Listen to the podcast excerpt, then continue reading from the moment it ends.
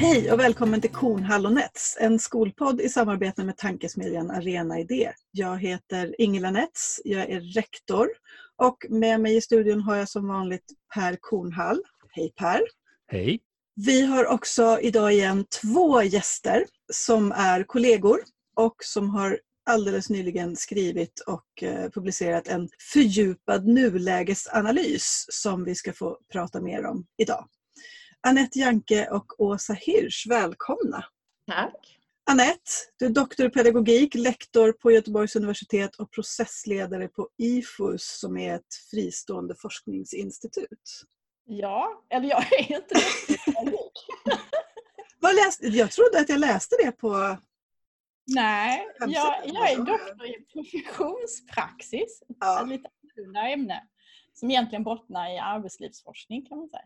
Eh, så det handlar mycket mer om kan man säga, professionsutveckling eller professionskunskap. Så jag disputerade i Norge, uppe i Bodö. Men annars stämde det. Bra, tack för den korrigeringen. Och Åsa, ska vi se om jag får det rätt den här gången då. Du är docent i pedagogik. Ja, yes. det stämmer. Också i Göteborg och eh, bland annat lektor på lärarutbildningen där. Ja, eh, vi jobbar inte så mycket med lärarutbildning utan eh, sen eh, första januari nu så är jag i rektorsutbildning snarare, utbildningschef och programledare för rektorsprogrammet på Göteborgs universitet och jobbar med annan undervisning också i masterprogram och liknande, men inte just lärarutbildningen så mycket. Men det har jag gjort i många år innan. Då vet vi. Tack! I, jag tror att det var i februari så kom en eh, rapport som ni har skrivit för IFUS just som heter Varför förbättras inte elevresultaten trots alla insatser? Där ni har tittat på en massa olika processer på en kommunal gymnasieskola på uppdrag av skolan och huvudmannen vad jag förstår. Och man blir ju extremt sugen på att gå direkt på svaret på den där frågan för den tror jag vi alla ställer oss ganska ofta, vi som jobbar i skola. Men, men eh, vi, vi kan väl hålla lite på det. Eh, men berätta lite mer om, om uppdraget och hur ni har jobbat. Åsa, vill du börja? Rapporten kom i februari ja, då, och då, ja, det var väl något drygt år innan det som vi fick den här frågan då via IFOS av huvudman och den här lokala skolan.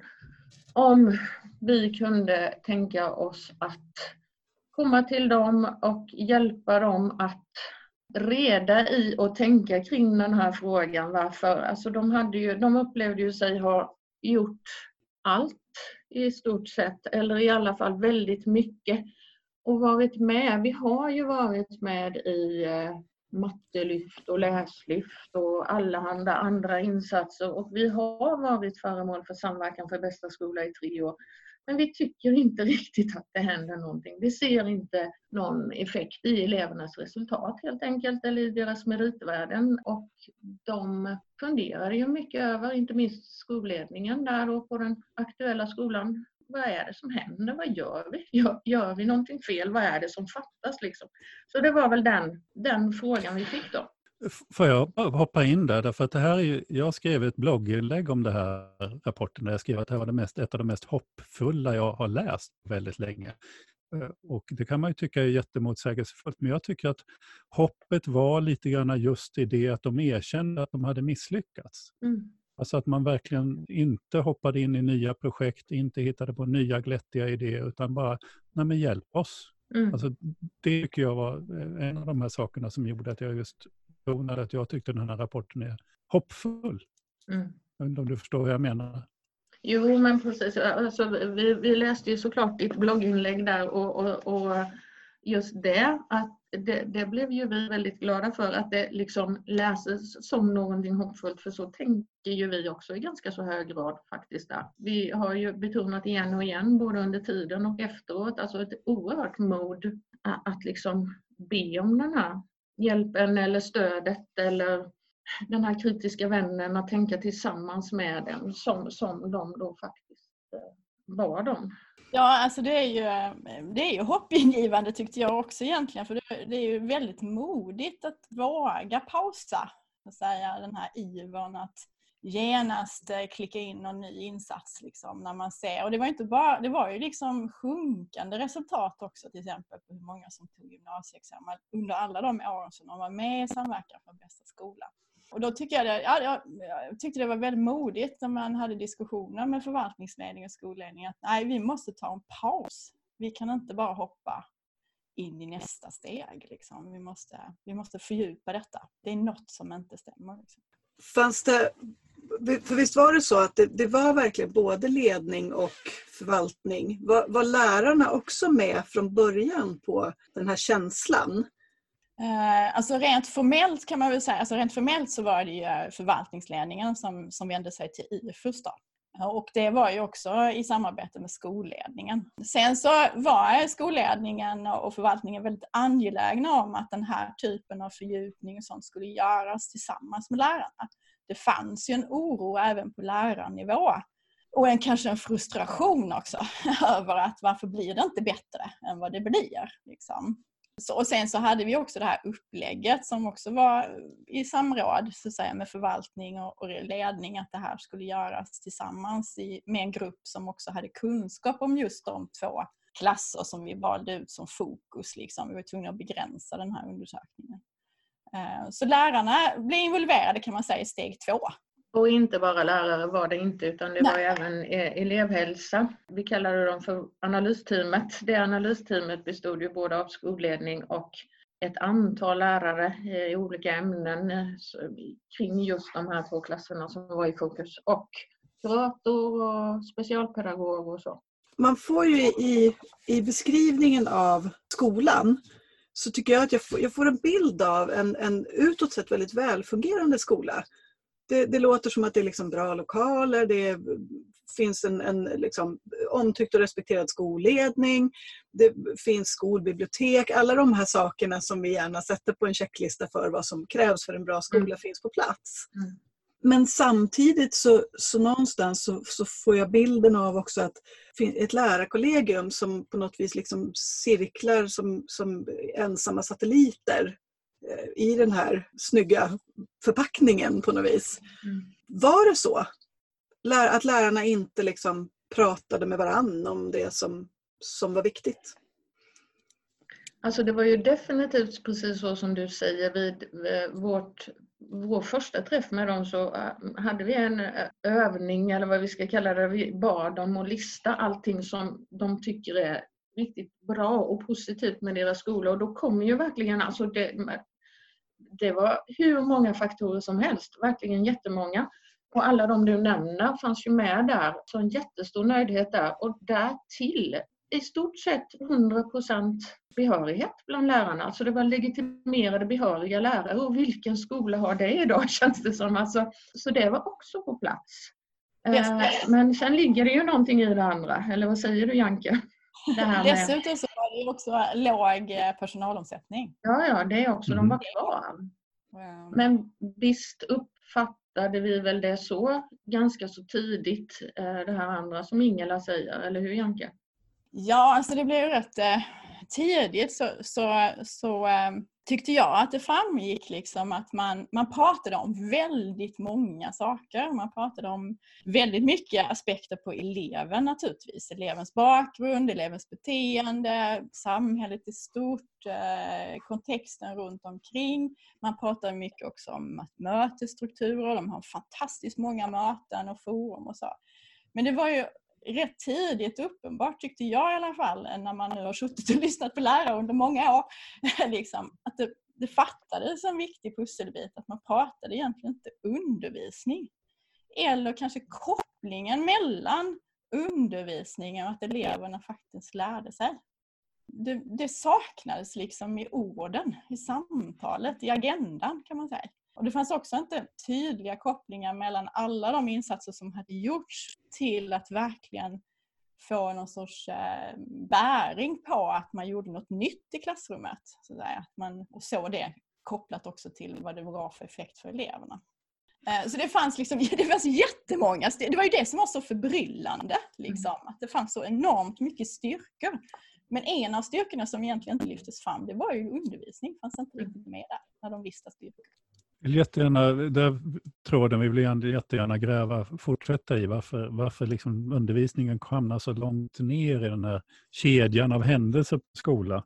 Men, men jag fick en liten reflektion när vi nu beskriver att det här är ändå en skola där allting är på plats. Där, där behöriga lärare som trivs uppenbarligen, där det finns alla de här funktionerna.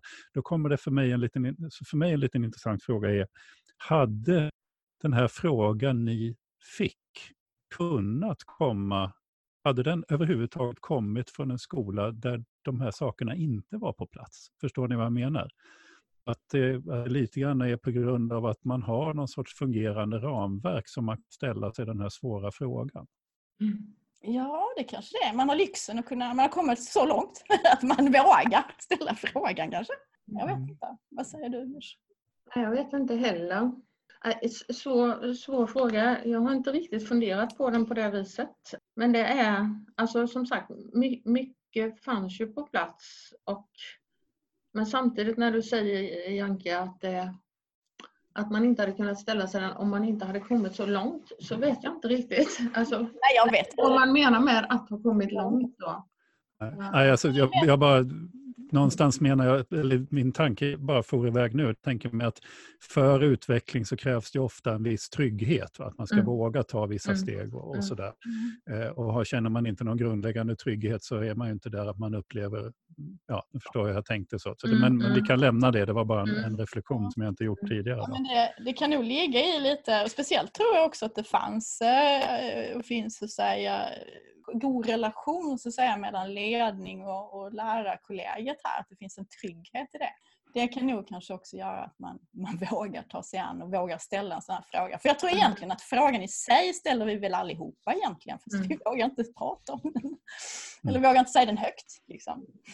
Vad gör det för effekt det man gör?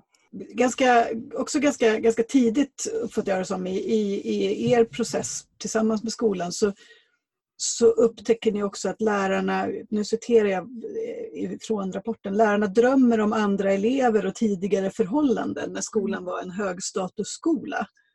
Vad är det, berätta, vad är det ni ser och hör? Ja, det här är något som framträder i analysen sen.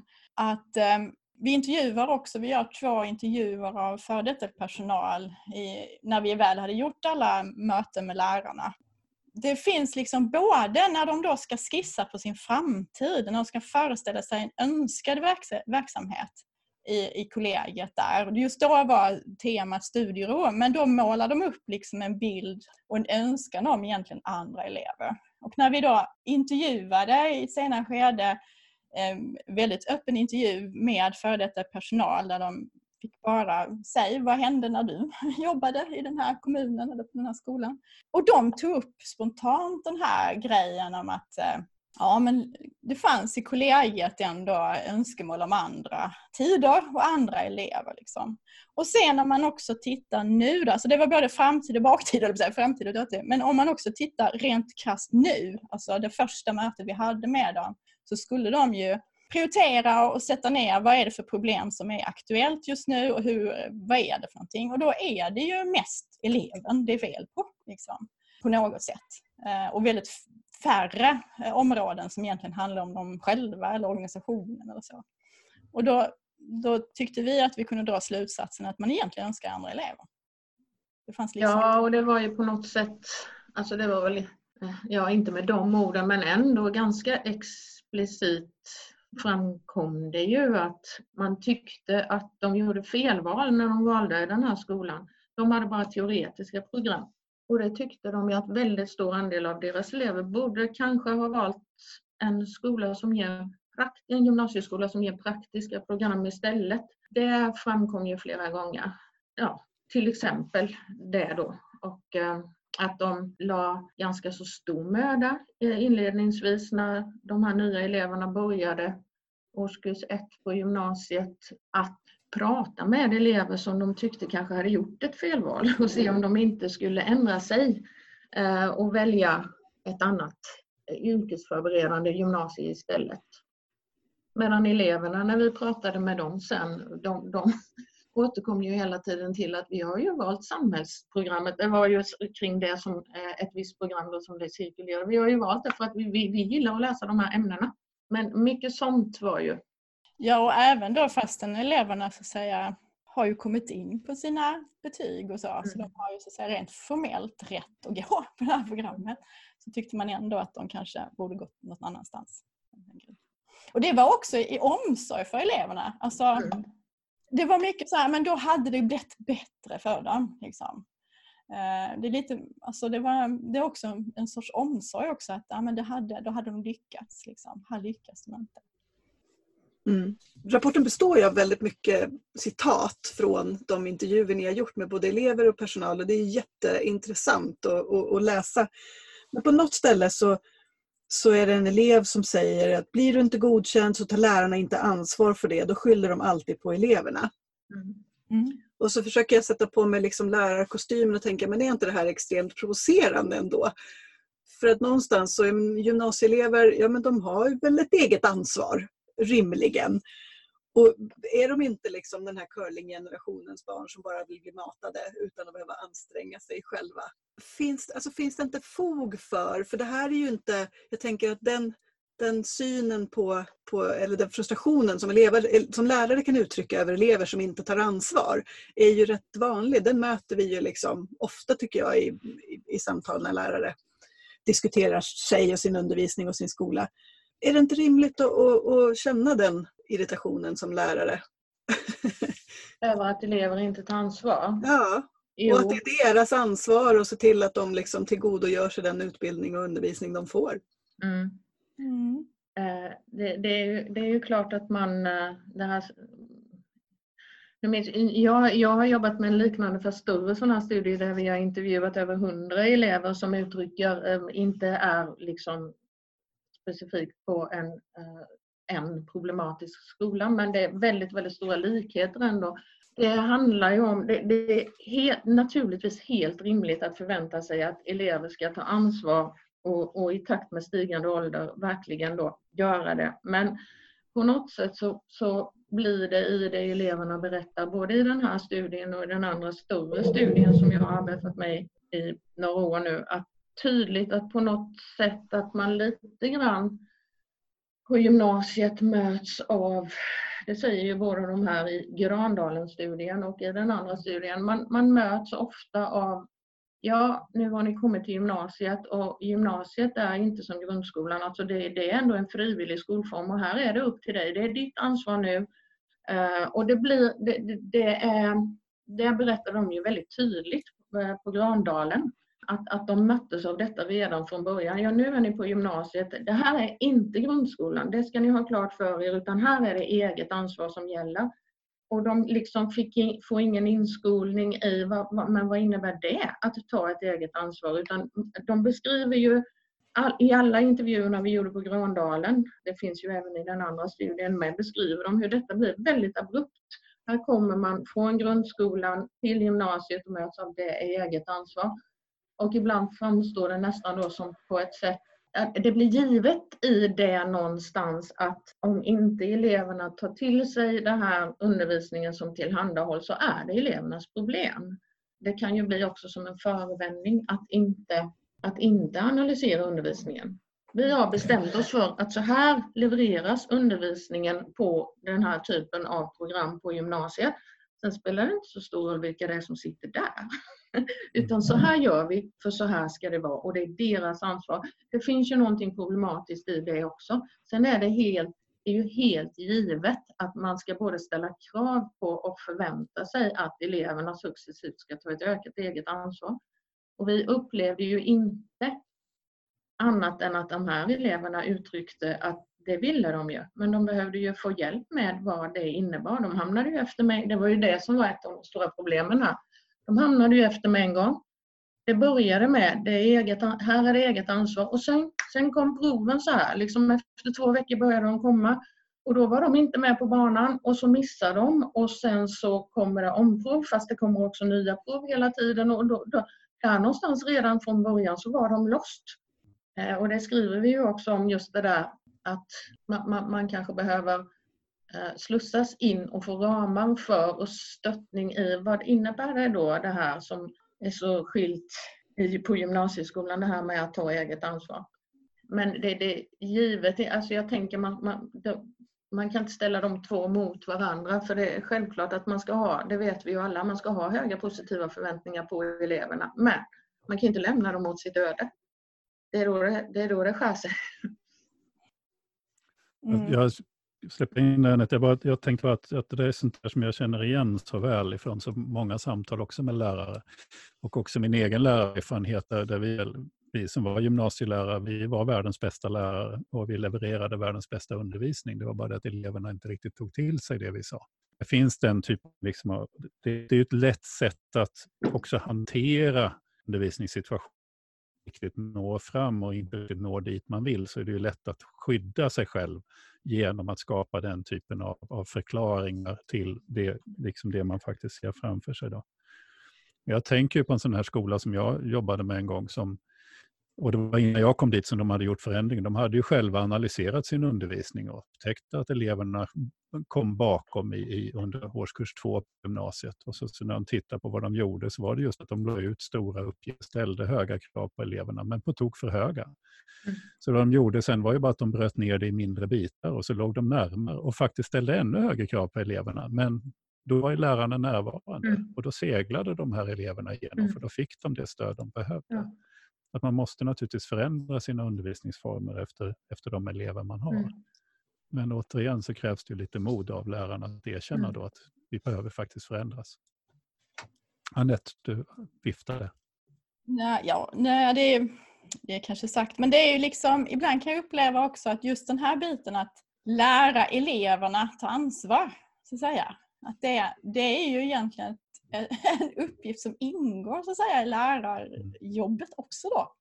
Eh, och här kanske det blir så att man, man, nu pratar jag lite kanske ur gymnasieperspektiv då, jag har ju också jobbat på gymnasiet, att man är väldigt fokuserad på sitt ämne och sina kurser och det är kanske ett högre ämnesfokus på gymnasiet jämfört med grundskolan. Jag vet inte. Men, och då hamnar kanske ibland sådana här bitar som egentligen inte handlar om ämnet utan handlar om lära sig ta ansvar, skapa relationer som vi skriver jättemycket om i, i den här rapporten också. Att det hamnar liksom lite bredvid det man gör eller det man tar själv som lärare ansvar för. För det är ju så att de behöver lära sig ta ansvar, behöver hjälp med det. Och då kan vi tycka vad vi vill. Vi kan ju önska så att, säga, att de kom in och bara begrep hur de skulle göra med en gång. Men de gör ju inte det. Och då, då kan vi inte bara säga att ah, det är en trist generation det här. liksom. Utan då får vi helt enkelt bara vara lite snillrikare. Så du gav ju exempel här på. Man får, man får vara lite snillrik och lite och så tar det också under längre tid, tänker jag också. Folk har så väldigt bråttom också. De ska ta ansvar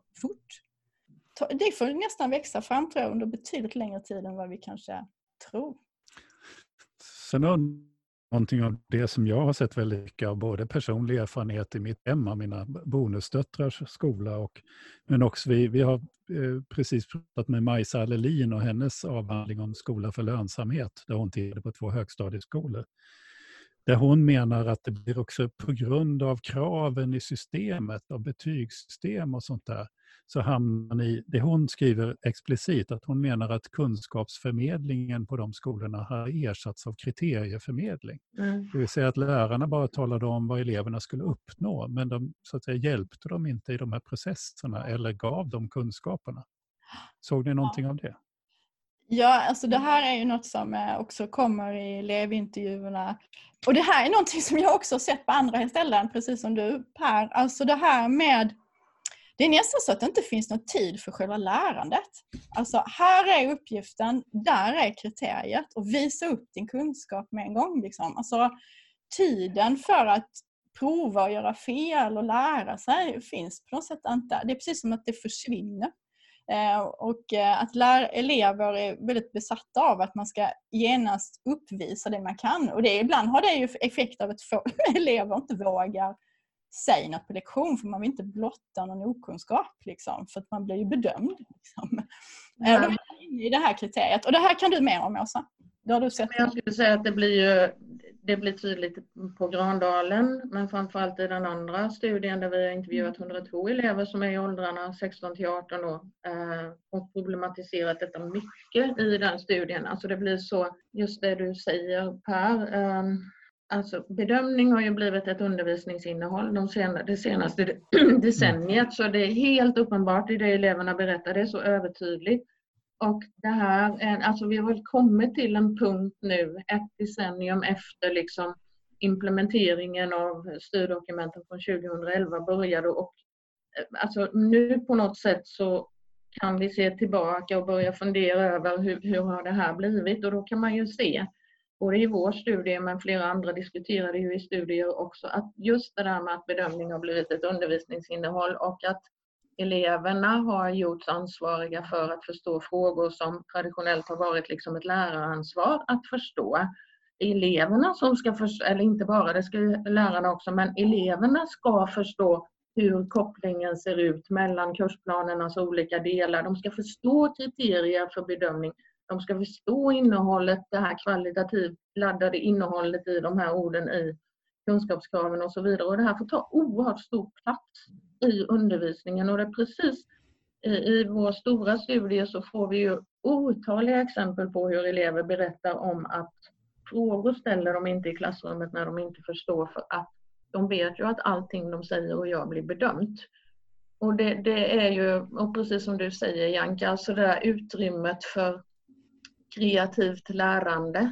Eh, Eh, det, det, tycks liksom inte finnas i så hög utsträckning kreativt lärande där man känner sig trygg med att nu blir jag i alla fall inte bedömd. Nu håller vi bara på att lära oss här och liksom vi får göra fel och sånt där för de, upp, de upplever ju inte detta. Sen kan jag också prata med lärare liksom ibland uppleva det som att man lägger också det lite på eleverna nu. Ja, vi vill ju att liksom motivationen ska komma inifrån men eleverna de är ju bara ute efter att förstå kriterier. Och, och, liksom, och jag brukar säga det att ja, hur har det blivit så? Kom de sådana sexåringar till förskoleklassen? Nej, det kan nog bero på någonting annat. Men, men det är ju en eh, ruggig utveckling kan jag tycka. Alltså, Alltså, jag vill säga det att jag tycker det här är förfärligt. Jag tycker ja. det är så, nu ska jag svära, jävla obehagligt. Ja, det. För det innebär att själva grunden för skolan, som handlar om att jag berättar för någon mm. annan någonting jag kan tills den personen har förstått det jag mm. kan, har försvunnit. Mm. För jag talar om vad den personen ska kunna och sen lämnar jag den ensam. Det är motsatsen till skolan. Jag tycker det är jätteobehagligt att vi ser den här utvecklingen.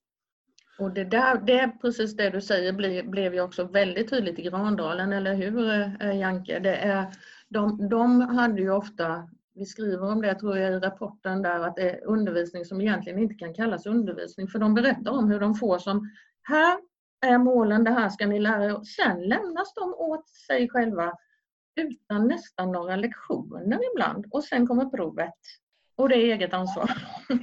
det, det, är ju egentligen, eh, det var det som också var, nu har jag en annan tanke i huvudet samtidigt här, men vi ska se. Eh, och det, eh, det var ju inte bara det då så att säga, att lära, alltså undervisningen sig var så att säga osynlig eller ohörbar, eller man nu kallar det för, i lärarnas samtal och diskussioner, lärarna eller analysteamet.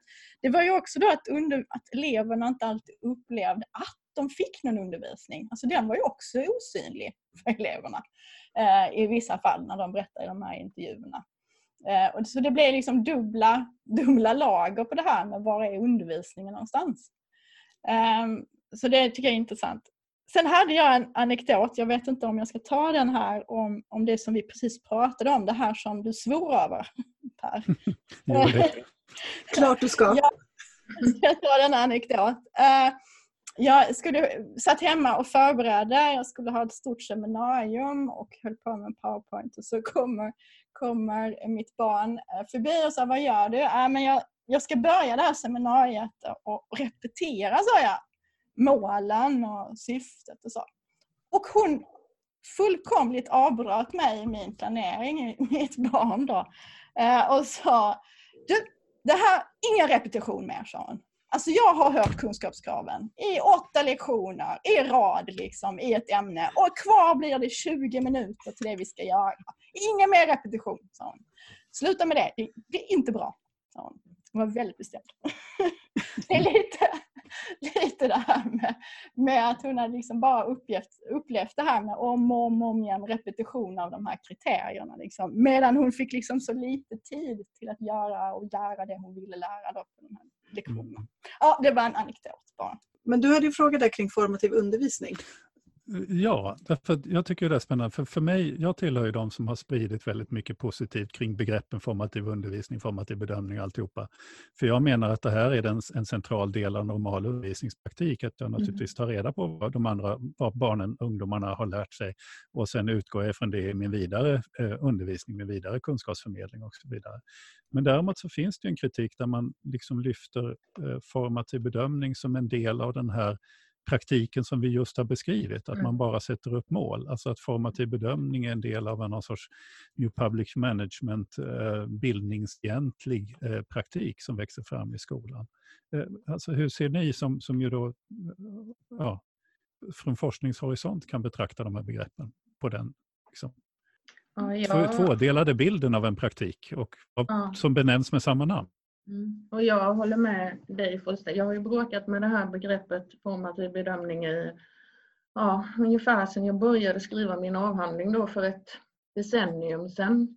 I vår stora elevstudie så problematiserar jag detta ganska mycket. Att det blir så, alltså det här att, att det senaste decenniet har blivit så bedömningstyngt på något sätt och det är helt uppenbart att det, liksom eleverna känner sig stressade och pressade av detta på olika sätt det är inte så att det, deras, den stress de känner och, och, och liksom det här, eh, den pressen bara kan hänföras till det som vi kanske är vana vid att problematisera som mm, någonting som kan ha negativ påverkan, det vill säga liksom betyg och nationella prov och sådär.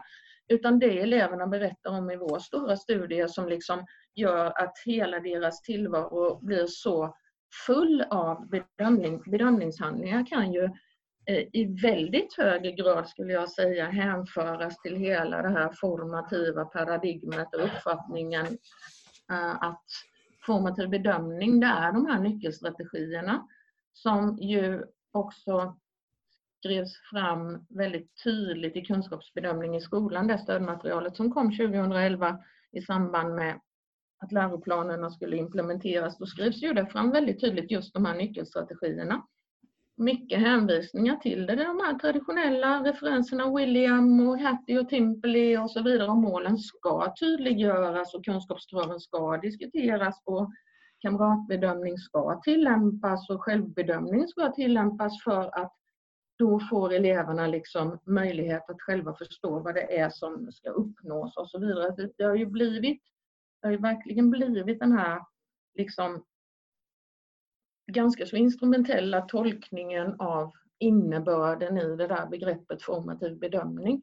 Och jag tänker, jag höll på att säga, jag tänker nog precis som du Per, men det vet jag inte om jag, jag ska inte säga hur du tänker. Men, men för mig så tänker jag att mycket av det som vi på något sätt ger epitetet formativ typ bedömning är undervisning för mig. Och jag blir, och det, jag blir mer och mer sån här att nej men jag tycker vi ska prata om undervisning när det är undervisning och bedömning när det är bedömning. För det här blir bara som en stort virvar av bedömningshandlingar på något vis. Som, och eleverna, liksom, de gör ju inte skillnad på, i vår, i vår värld kanske det är på något sätt att vi tänker oss att formativ bedömning det är ändå välvilligt och gott och, och sådär på alla vis.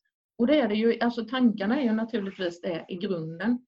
Men för eleverna så blir inte det någon, någon skillnad utan det här med att alla mål ska synliggöras redan i början av ett arbetsområde i en lektion och kunskapskraven ska diskuteras och man ska kamratbedöma och självbedöma. Och de berättar så mycket om att de ska känna in själva vilket betyg är de. De pratar ju om att de är ett betyg. Mm. Det här fyller deras, deras tillvaro i så hög grad. Och egentligen kan ju det hänföras till det här formativa paradigmet då. Eh, men det blir inte, i, i, i deras värld blir ju inte det någonting bra i alla fall utan det, allting blir ju bara ja, ett stort virvar av bedömningshandlingar där man till slut känner att eh, det är nog bäst att jag inte säger någonting om jag inte förstår för då sänks mitt betyg. Så jag, jag tycker att det där är, det är jätteproblematiskt. Jag tycker också att vi eh, från forskningshåll har ett rätt så stort ansvar i det. Jag tycker fortfarande att vi lite krampaktigt håller fast vid att kalla saker för bedömning som kanske inte, alltså som kanske egentligen snarare borde kallas för undervisning. Eh, Mm. Mm. Jag, jag, jag, tycker att det, det, är problematiskt. Och därmed inte sagt, det finns, mycket, det finns ju vällovliga syften med de här nyckelstrategierna och allt detta. Det, det vet ju jag också. Men ja. Ja, alltså det är, det är problematiskt. Alltså, det som jag tänker på ur mer, ska man säga, ja, vad ska man kalla det för, kunskapsteoretiskt perspektiv på detta. Det är, och jag har skrivit om detta i en, i en artikel i Pedagogiska magasinet tror jag.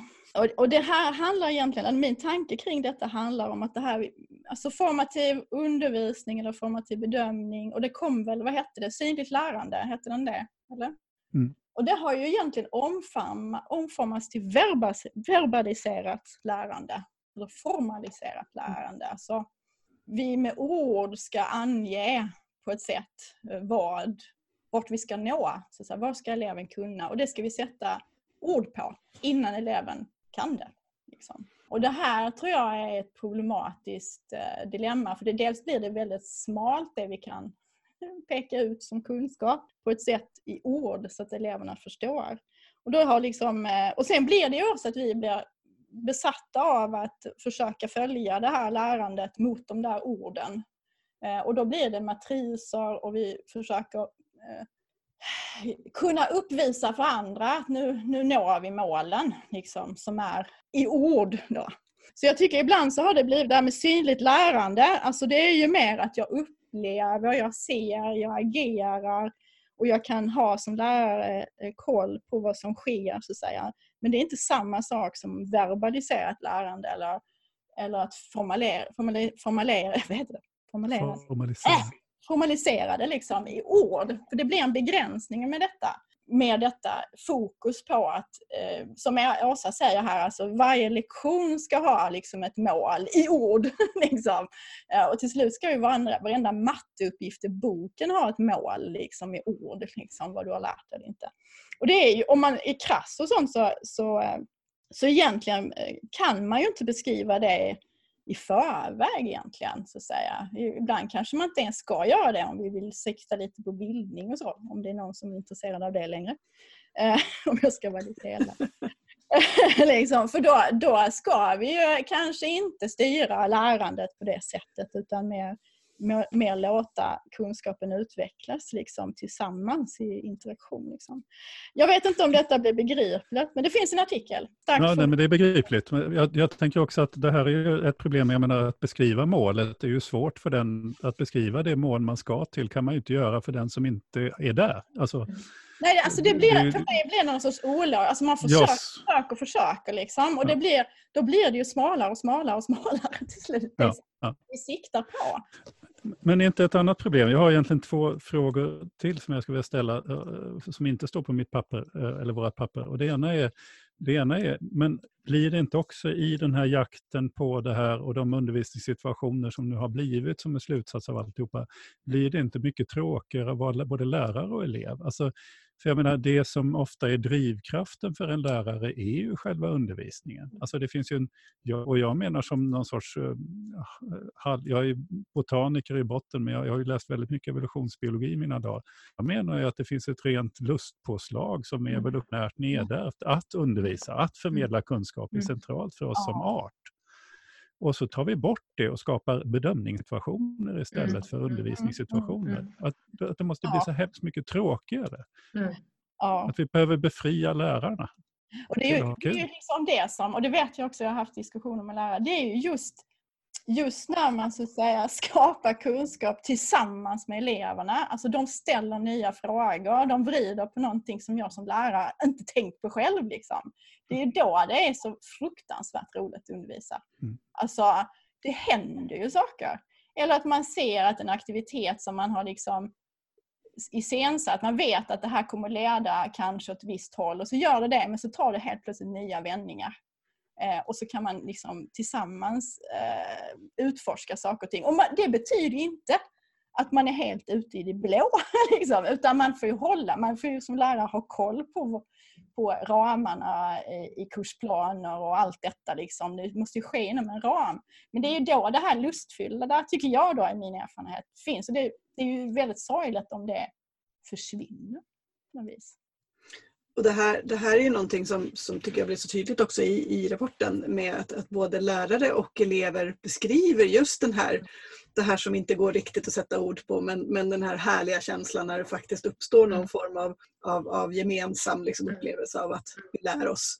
Men vi, vi behöver tyvärr börja kanske runda av lite grann. Eh, det, här, det är så otroligt mycket som är intressant att prata om här. Och jag tänker, apropå formativ bedömning, så använder ni, i, i slutet av rapporten så, så summerar ni genom att också peka på några saker som som behöver liksom adresseras i det fortsatta arbetet på just den här skolan. Och jag tänker att mycket är nog väldigt allmängiltigt. Eh, jag tror många känner igen sig i, i beskrivningen. Och då använder ni begreppet formativt förändringsarbete. Vad betyder det? När vi var där på Grandalen så använde ju vi oss av verksamhetsteoretiska tankar egentligen från eh, Virkunen och Engelström och så här, om, om formativa interventioner som de använder som begrepp och ett formativt förändringsarbete som om formativa processer, alltså som eh, där, där man snarare föreställer sig alltså, istället för att eh, ta sin utgångspunkt i befintlig praktik som kanske inte i så hög grad fungerar och så bara försöka lösa lite problem utifrån den så, så, så behöver man istället liksom tänka mer i termer av att försöka föreställa sig eh, en önskad utveckling och hur det skulle kunna se ut och arbeta med formativa interventioner utifrån det, ett formativt förändringsarbete. Så det, det är ju de, den bemärkelsen, eller vad säger du Janke? Ja, och sen är det alltså man är så att säga öppen för att formera eller omformera sin mm. verksamhet kanske i mm. större utsträckning. Och mm. också inte bara eh, eh, tala om eller problematisera de uppenbart synliga problemen. De som är så här självklara. Till exempel så här, eleven har bristande svensk, svensk, kunskap i svenska. Det är helt uppenbart så här. Liksom, typ.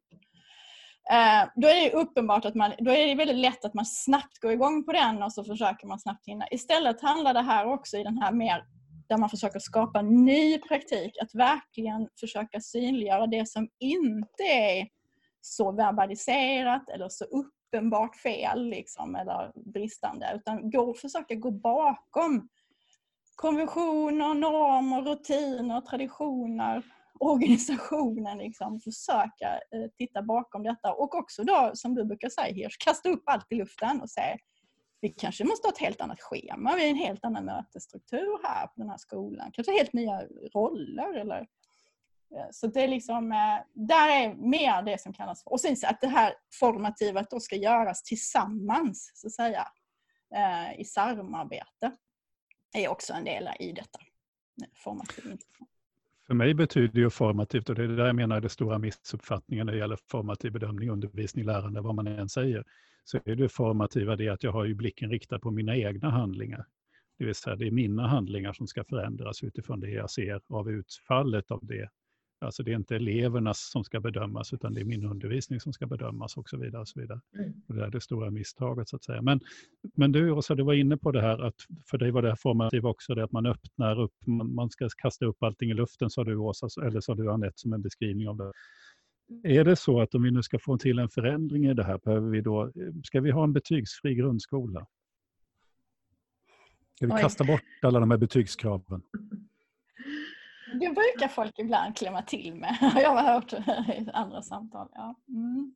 det där är ju ja, för... väldigt svårt tycker jag att, att fundera kring. Eh, jag brukar... Alltså, jag är väl inte den som förespråkar att man ska ha en helt betygsfri grundskola. Däremot kan jag... Det, alltså, man kan ju ställa sig högst... Alltså, jag vet inte riktigt vad alternativet skulle vara. Eh, man måste ju ha ett rimligt alternativ då kanske. Men alltså, de, de fungerar ju som någon slags urvalsgrund för gymnasiet då i sista änden. Eh, däremot är jag tveksam till att de ska finnas i, eh, liksom längre ner i skolsystemet. Det, det är jag högst tveksam till. Då brukar jag alltid tänka tillbaka på, jag jobbade 15 år själv på högstadiet och det här var ju innan man förde ner betygen eh, i årskurs 6 och då gavs ju betygen fortfarande först i årskurs 8 och jag tyckte, alltså jag har många gånger tänkt på det var väl aldrig svårt att få eleverna liksom att jobba och ta i och försöka lära och, och så vidare i sjuan. Alltså det var, jag upplevde aldrig någon skillnad mellan sjuan och åttan bara för att betygen sen inte kom först i åttan. Så jag vet inte, jag tror inte så mycket på det där att elever eh, motiveras eller lär bara för att de ska få betyg. Men däremot att ta bort betygen helt som urvalsgrund vet, vet jag inte, alltså som urvalsgrund till gymnasiet och så vidare. Där man behöver finna någon slags rimliga alternativ då eh, mm. istället, tänker jag. Mm. Jag ställer frågan bara för att Majsa pratade om det, så jag tänkte det kan mm. vara kul att höra er reaktion på det. Om man, om man nu tänker att det krävdes väldigt mycket mod av, av skolledning och förvaltning att, att våga ställa den här frågan och också ta hjälp av er för att försöka hitta svaren på frågan varför blir inte elevernas resultat bättre trots att vi gör så mycket. Hur, hur har, hur har er rapport mottagits? Finns tillräckligt mod nu? För det är ju egentligen nu modet ställs på prov, tänker jag, i den här skolan om man verkligen ska våga också göra det som ni föreslår. Kasta upp allt i luften, börja titta på sin egen praktik, på sin egen undervisning, börja prata om undervisningen, blotta sig i det. Liksom. Har, ni, har ni fått några reaktioner? Ehm, vi har ju varit och redovisat rapporten eh, både för förvaltning och skolledning och sen även för hela analysteamet och så. Och det här är naturligtvis en svår, svår rapport att få, så att säga. Eh, det är jobbigt, vi är medvetna om. Liksom. Men det, den indikationer vi fick var väl att, eh, att det kom i bra läge, så att säga, i processen på skolan. Och att de, de kan gå vidare nu. Att de har mycket att jobba och att de har fått stöd i detta och kan gå vidare. Vad säger du Åsa? Ja, eh, nej jag håller med om det du säger. Eh, det var som sagt, det var ju tufft och det sa de ju också, att det, det var tufft och det var tufft att äh, läsa vissa saker som eleverna har uttryckt och så vidare.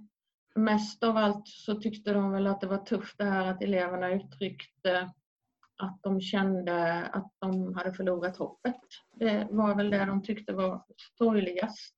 För är det något man inte vill så är det det. Liksom. Men samtidigt, nej men också mottagandet tyckte jag tydde på liksom oerhört stort mod. För att de, de sa, ja men ja, vi, vi har fått älta detta några varv men kommit till någon slags acceptans och det är först när man har fått den eller kommit till någon slags acceptans som man också kan ta nästa steg.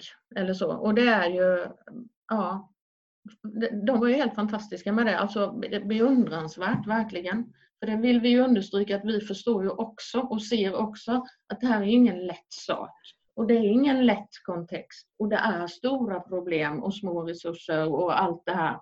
Men äh, ja, ja, en grund i alla fall. Mm. Och då är vi någonstans tillbaka i den där hoppfullheten som du mm. nämnde i början Per, som man ändå någonstans skönjer tycker jag också. Att äh, det, det, vågar vi bara vara modiga nog att både ställa frågan och, och, och jobba med svaren mm. så, så finns möjligheten. Och, det och sen så tycker jag att vi kan... Både eleverna och lärarna. Alltså det är ju inte ensidigt utan Nej. känslan är att alla vill ju egentligen samma sak.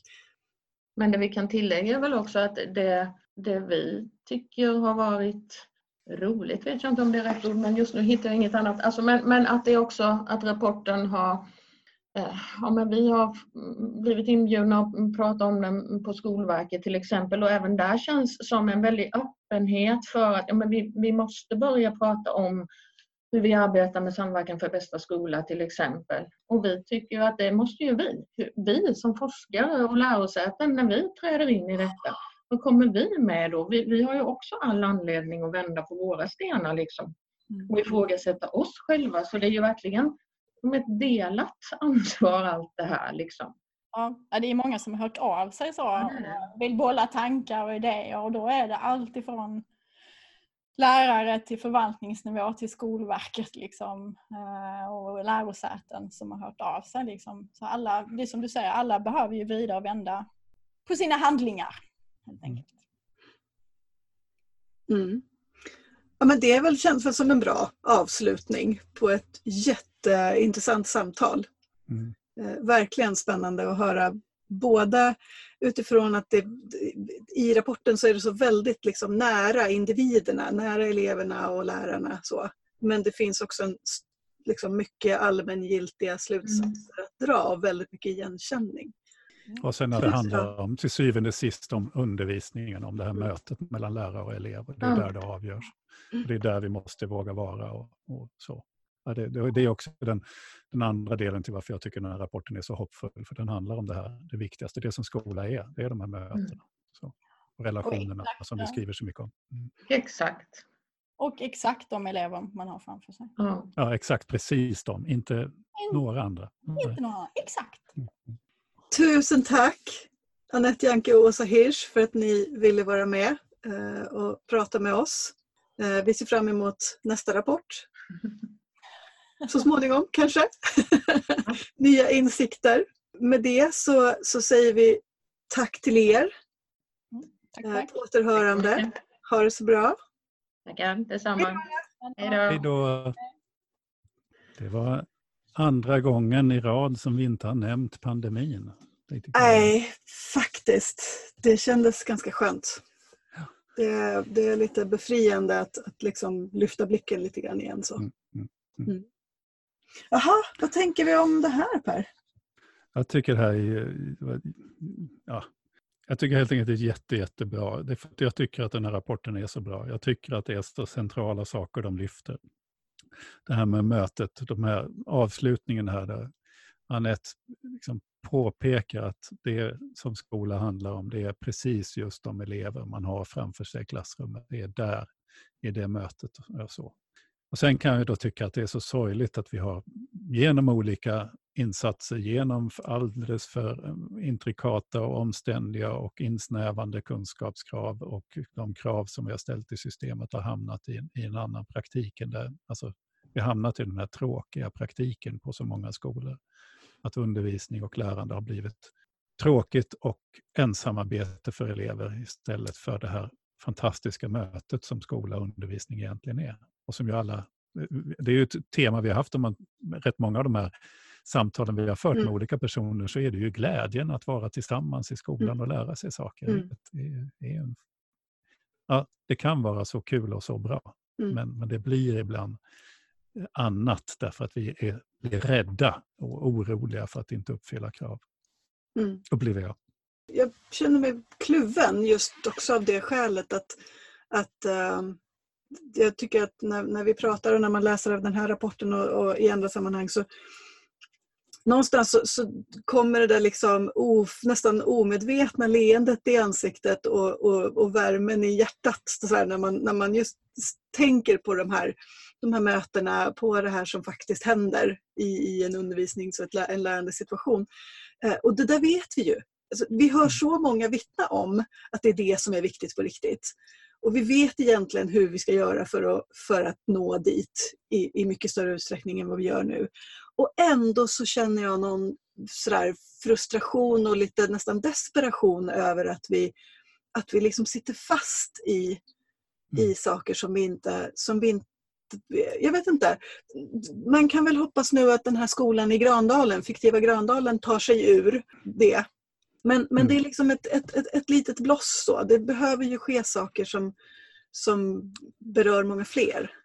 Ja, och jag tänker samtidigt är det så att vi behöver ju ha instrument för att upptäcka de skolor och för att upptäcka de miljöer där barn inte far bra. Men det kan göras med mycket, mycket enklare instrument än de vi gör. Alltså, mm. Det här har ju vuxit fram på grund av en frustration ifrån eh, nationell nivå över sjunkande skolresultat och så sätter man press i hela systemet men då får man bieffekter som, som vi inte ville ha. Det här skulle kunna göras mycket, mycket enklare. Mm. Mm. Men jag har ju flera gånger efterfrågat, jag har undrat var, var, var kommer det att finnas skola som bara säger årskurs 9? Och jag tyckte att det var en av fördelarna med, med pandemin, det har vi pratat om, att, att mm. nationella proven försvann. Mm. Alltså, jag har ju tidigare efterlyst en skola som bara säger nej, alltså de som bara vägrar mm. Att köpa in sig i ett system när de märker att det inte fungerar, när deras elever faktiskt inte mår bra av ett system. Mm. Eh, att man då hade det modet att man sa att nej, vi är inte med på det här. Ja, det kommer nog krävas lite mer mod på sina ställen framöver. Det kommer att göras. Du har just lyssnat på avsnitt 7 av Kornhallonets, en skolpodd i samarbete med tankesmedjan Arena Idé. Och vi som gör podden är Per Kornhall, oberoende skolexpert och Ingela Nets, rektor. I varje avsnitt så intervjuar vi en eller flera personer vars kunskaper, position eller arbete är intressant för den svenska skolan. Och om du har en önskegäst eller har frågor som du tycker att vi borde belysa i podden så vill vi gärna att du hör av dig till oss. Du hittar våra kontaktuppgifter där du också hittar podden. Och du kan, inte, du kan lyssna på oss förstås, men du kan också se oss i det här, de här samtalen därför att det finns en videopodd på Arena Idés hemsida och på Facebook-sidan. Så eh, med det säger vi tack för idag. Vi hörs snart igen. Tack Per! Tack Ingela. Hej då! Hej då.